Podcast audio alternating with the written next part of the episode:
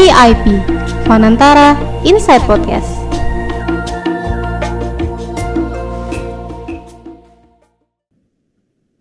Halo VIPers, welcome back to our Fanantara Inside Podcast. Halo Agustus, saatnya kita serukan kata merdeka. Lo harus terus semangat dong di bulan kemerdekaan kita ini karena sebentar lagi Indonesia akan merayakan HUT yang ke-76. Yeay, gak kerasa ya. Walaupun di tengah kondisi pandemi seperti sekarang, jangan sampai menyurutkan gelora semangat kita dalam menjalankan aktivitas, apalagi untuk memperingati hari kemerdekaan kita di tanggal 17 Agustus nanti ya. Tapi tetap gak capek ngingetin VIPers untuk selalu pakai masker saat keluar rumah dan selalu patuhi protokol kesehatan ya. Teruntuk VIPers yang sedang menjalani isolasi mandiri juga semoga segera pulih ya.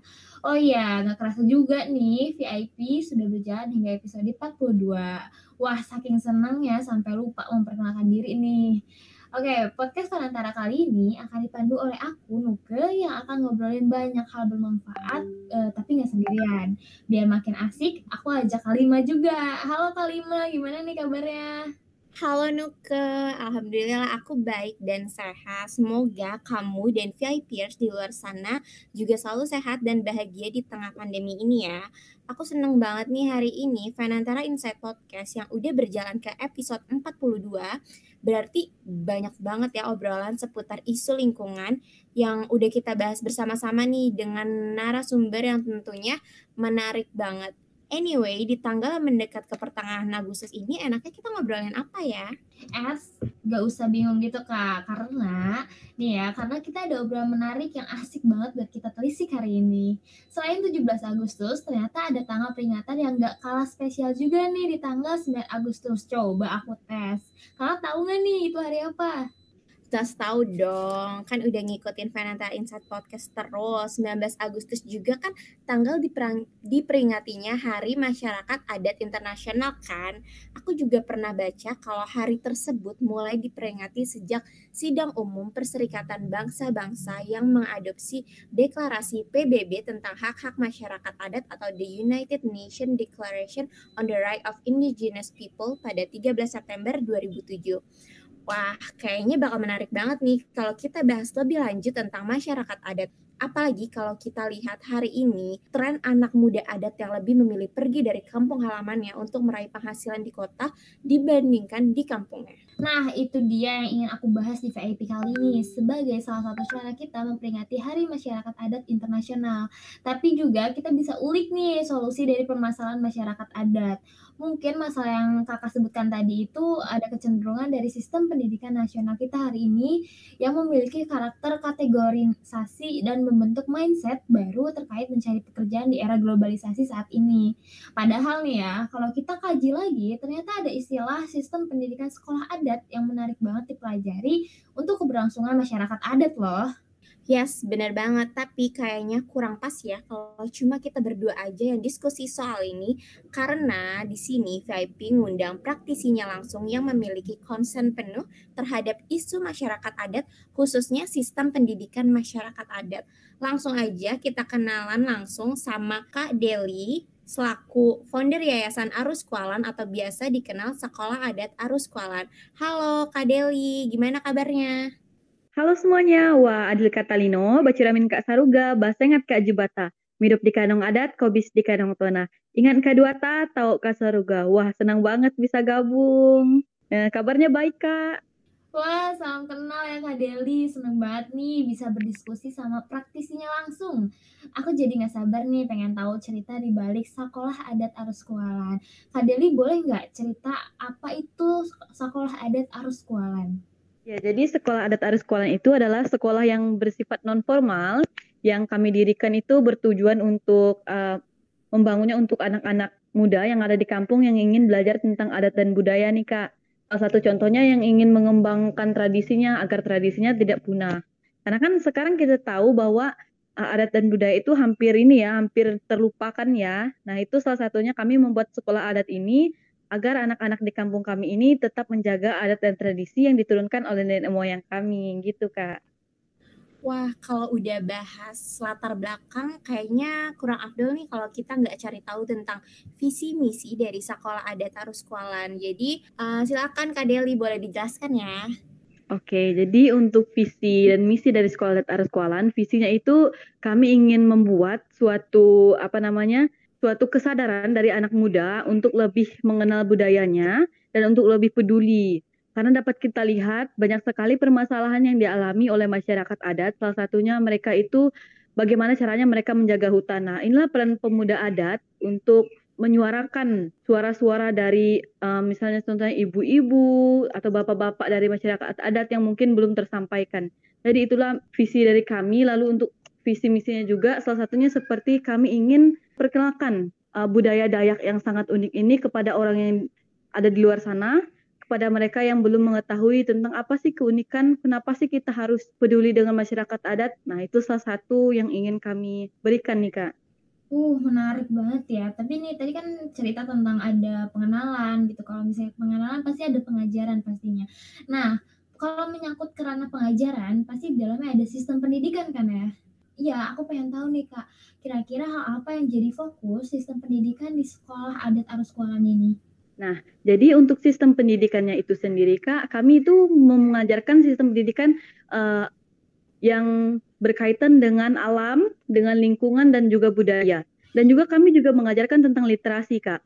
Untuk contohnya, sistem pendidikan yang kami ajarkan kepada anak-anak kami, salah satu contohnya seperti kami mengajarkan bagaimana caranya kita itu menjaga lingkungan. Lalu kami juga mengajarkan tentang uh, permainan tradisional, alat musik tradisional. Mereka juga belajar tentang obat-obatan tradisional, makanan tradisional. Selain itu, walaupun mereka bersekolahnya itu secara non formal, kami juga mengajarkan cara literasi, Kak. Jadi kami menyediakan buku-buku yang ada di sekolah adat itu untuk anak-anak yang memang ingin belajar tentang literasi, tentang pengetahuan alam, seperti itu. Kak. Wih, berarti beragam ya, cukup beragam. Pengen tahu lagi nih dari hal yang tadi kakak sebutkan tuh ada hal yang difokuskan itu apa ya kak? Jadi selama berjalannya uh, sekolah ini ada nggak kegiatan apa aja rutin dilaksanakan? Mungkin kakak boleh cerita kok kayak misalnya hari Seninnya kita melakukan apa oh, dari iya. Senin sampai Jumat dan lain-lainnya. Uh, itu misalnya kami kan dalam satu minggu itu kami melakukan pertemuan selama 3 sampai empat kali. Nah, untuk hari Senin tuh biasa kami itu lebih ke belajar di hutan, Kak. Jadi kami bukan fokus belajar di ruangan saja, tetapi kami langsung terjun belajar di uh, alam. Jadi di mana hari Senin itu kami lebih belajar di alam, membawa bekal, lalu kami belajar tentang obat-obatan yang ada di hutan itu, mencatatnya dalam bentuk tulisan. Lalu untuk hari Selasa dan Rabu itu kami biasa melakukan kegiatan uh, pembersihan lingkungan yang ada di area kampung, Kak. Itu salah satu bentuk kami uh, care terhadap climate change dan juga kalau untuk tanggal setiap tanggal 2 awal bulan nih Kak, kami itu selalu rutinitas membuat acara penanaman seribu pohon. Jadi anak-anak sekolah adat itu membawa bibit-bibit pohon seperti kayu ulin, kayu durian itu kami tanam di tempat yang gundul, di tempat yang sudah tidak ada pohonnya lagi. Itu rutinitas kami uh, yang dilakukan di sekolah adat nih Kak. Wah, seru banget Kak Deli dengernya. Pasti anak-anak jadi semangat banget ikut eh, semangat banget sekolah kalau kayak gitu ya. Aku aja jadi pengen ikutan rasanya. Aku sih yakin banget ya kalau adanya yayasan ini memberikan manfaat yang sangat positif khususnya bagi masyarakat adat. Boleh dong Kak Deli uh, ceritain lagi sejauh apa sih dampak uh, dari berdirinya sekolah ini? Untuk dampaknya itu sendiri mungkin Deli cerita sebelum ada sekolah adat dan sesudah ya Kak. Jadi dapat kita lihat dampak sebelum ada sekolah adat itu dulu tuh anak-anak mungkin mereka itu salah satu contohnya ya mereka itu sebagai masyarakat adat ketika mereka datang ke kecamatan dan ada kalau kata kami itu gawe dayak kak. Jadi mereka anak-anak yang di kampung kami masyarakat adat itu mereka hanya sebagai penonton kak. Mereka hanya melihat anak-anak orang kota yang tampil di atas panggung. Tetapi setelah adanya sekolah adat Nah, di situ kami mengajarkan tentang bagaimana caranya kita dapat PD, berdiri panggung, bagaimana caranya kita dapat menampilkan tarian atau lagu-lagu daerah dengan bagus. Nah, setelah kami ajarkan itu, mereka baru memberanikan diri untuk tampil di depan umum dan puji Tuhan sekarang sudah hampir ke tingkat nasional maupun internasional nih Kak. Dan juga salah satu dampak lainnya seperti dulu itu orang tua itu tidak tidak mengizinkan anak-anaknya untuk kayak bergaul uh, berlatih tari atau apa emang itu apa gitu kan berlatih tari tradisional. Tapi dengan adanya sekolah adat, kami memberikan penjelasan yang lebih teliti untuk orang-orang tuanya. Misal salah satu contohnya, kenapa sih harus anak-anak itu belajar tentang tarian tradisional? Apa sih manfaatnya? Jadi kami jelaskan. Karena kalau bukan mereka yang menampilkan kepada orang luar, siapa lagi gitu. Jadi setelah kami jelaskan, setelah kami jelaskan apa sih manfaat sekolah adat ini, orang tua sekarang sudah mendukung. Salah satu contohnya ketika anaknya tampil, mereka lah yang berperan penting dalam membuat baju adat, dalam menyiapkan peralatannya seperti apa-apa saja daun yang digunakan untuk ritual. Itu dampaknya sangat positif sih Kak untuk masyarakat kami. Wah, menarik banget sih. Jujur aku baru tahu ya sedetail itu tentang sekolah adat. Tapi ini yang bikin aku penasaran lagi nih, Kak. Kalau tadi kan aku cerita tentang uh, murid-muridnya, gimana mereka uh, mulai percaya diri dan lain-lain. Tapi sejauh ini di sekolah adat arus sekolah ini uh, jumlah muridnya lagi ya apa ya sudah berapa banyak lalu juga apakah itu memang murid-murid asli dari uh, tempat apa dari kalau boleh tahu ini di mana ya kak ini di Kampung Taha, uh, Kecamatan Simpang Hulu, Kabupaten Ketapang, Kalimantan Barat, Kak. Waduh. Di Kampung Taha. Iya. Kampung Taha. Berarti ini muridnya tuh semuanya overall dari Kampung Taha atau gimana nih, Kak? Kakak boleh cerita nggak? Oke, jadi untuk anak muridnya, sekarang kami itu punya empat cabang, Kak. Pola adat ini sudah kami bangun empat cabang di daerah kami. Untuk yang uh, cabang utamanya itu ada di Kampung Taha. Jadi untuk keseluruhan dari empat cabang itu mungkin kami sudah memiliki hampir 180 anak murid untuk empat cabang itu. Jadi uh, untuk di Tahak sendiri kami mempunyai sekitar 50 anak murid. Itu memang orang kampung Tahak itu sendiri, tapi ada juga beberapa dari kecamatan lain mereka yang mau bersekolah atau merasakan pendidikan adat yang ada di Arus Kualan ini. Lalu untuk di cabang lainnya kami juga mempunyai anak sekitar ada yang 30, 20 sampai uh, 40 seperti itu, Kak. Wah, ternyata cukup banyak juga ya Kak. Berarti semangat, minat dan semangat dari anak-anak adat untuk sekolah itu besar besar banget ya. Nah, kalau bicara ke depannya nih harapan Kak Desi untuk sekolah adat Arus Kualan tuh apa sih Kak? Bagaimana sih cita-cita dari Kak Deli sendiri? Ya, untuk harapannya ke depannya semoga sekolah adat ini tetap berkembang walaupun mereka mungkin nanti anak-anak yang perintis dari sekolah adat itu akan tumbuh dewasa, akan berpendidikan maksudnya melanjutkan kuliah keluar, mereka harus tetap ingat dengan budayanya, mereka harus tetap mengingat budaya pulang kampung untuk membangun kampungnya sendiri dan harapan ke depannya semoga sekolah adat ini menjadi tombak untuk anak-anak muda yang peduli dengan lingkungan serta adat dan budaya untuk lebih mengembangkan dan tidak malu mengakui jati dirinya.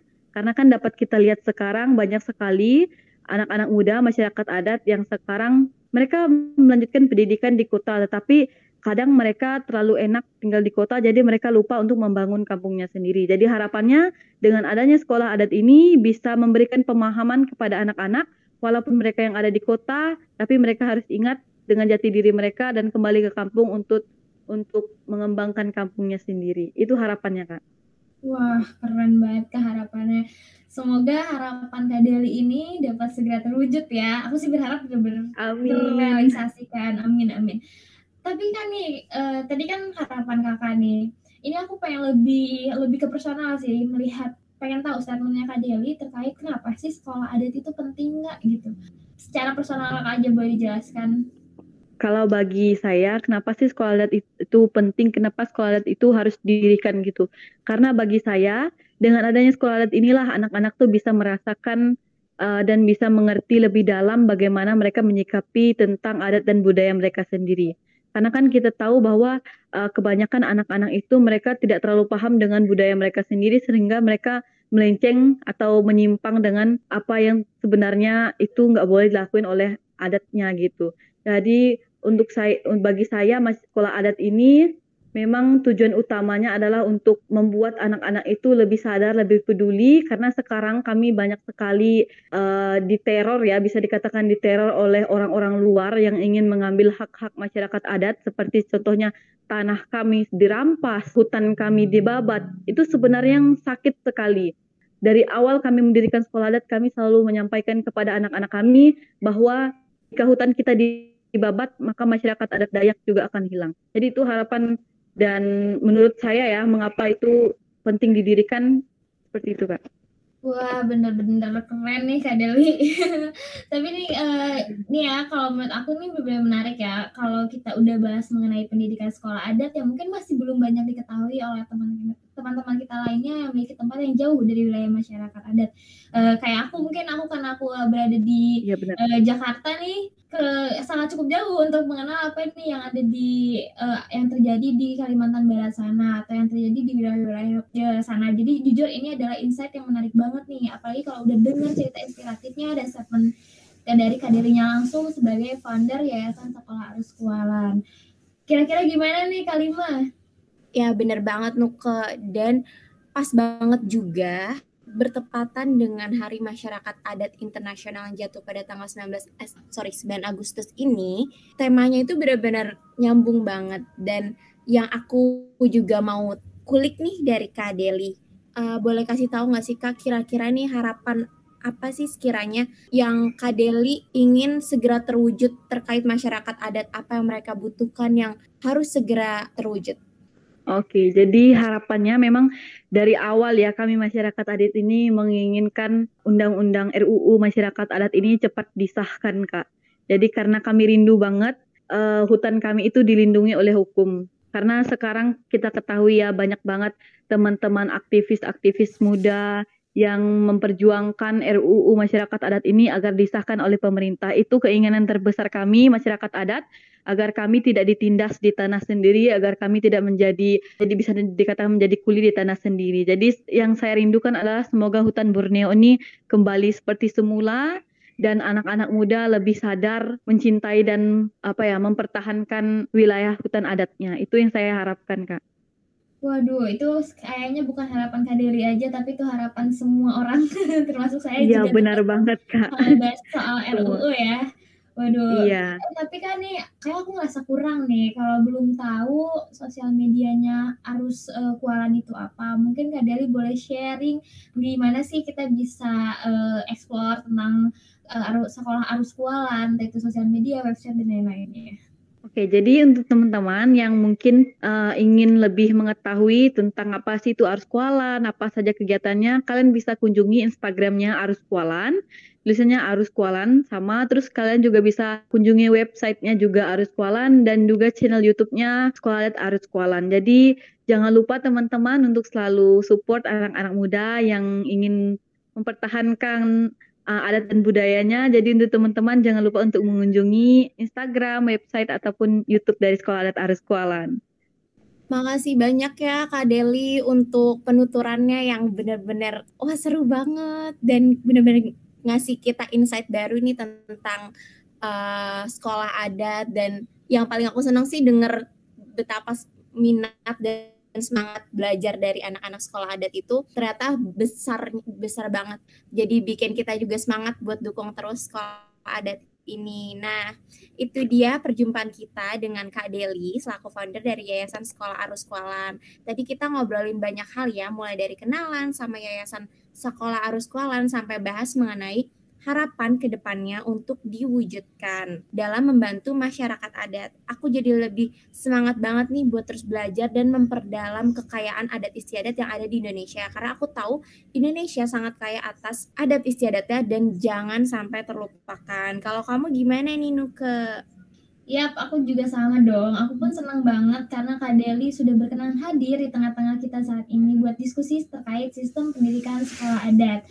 Nah, buat VIPers, jangan lupa Fan Antara Insight Podcast bakal hadir di setiap hari Rabu, jadi siap-siap dengerin obrolan kita soal lingkungan dan masyarakat adat serta hutan, karena menjaga lingkungan, melestarikan budaya, adat istiadat serta hutan bukan hanya tugas pemerintah maupun petugas yang berwajib, tapi juga tugas dari kita semua manusia dan individu yang hidup di bumi ini, khususnya Nusantara antara kita tercinta. Kalau gitu, mungkin sampai di sini dulu ya episode VIP hari ini. Kalau ada kritik dan saran, kalian bisa kirim ke DM Instagram kita @vanantara_com dan sampai jumpa. Sampai jumpa.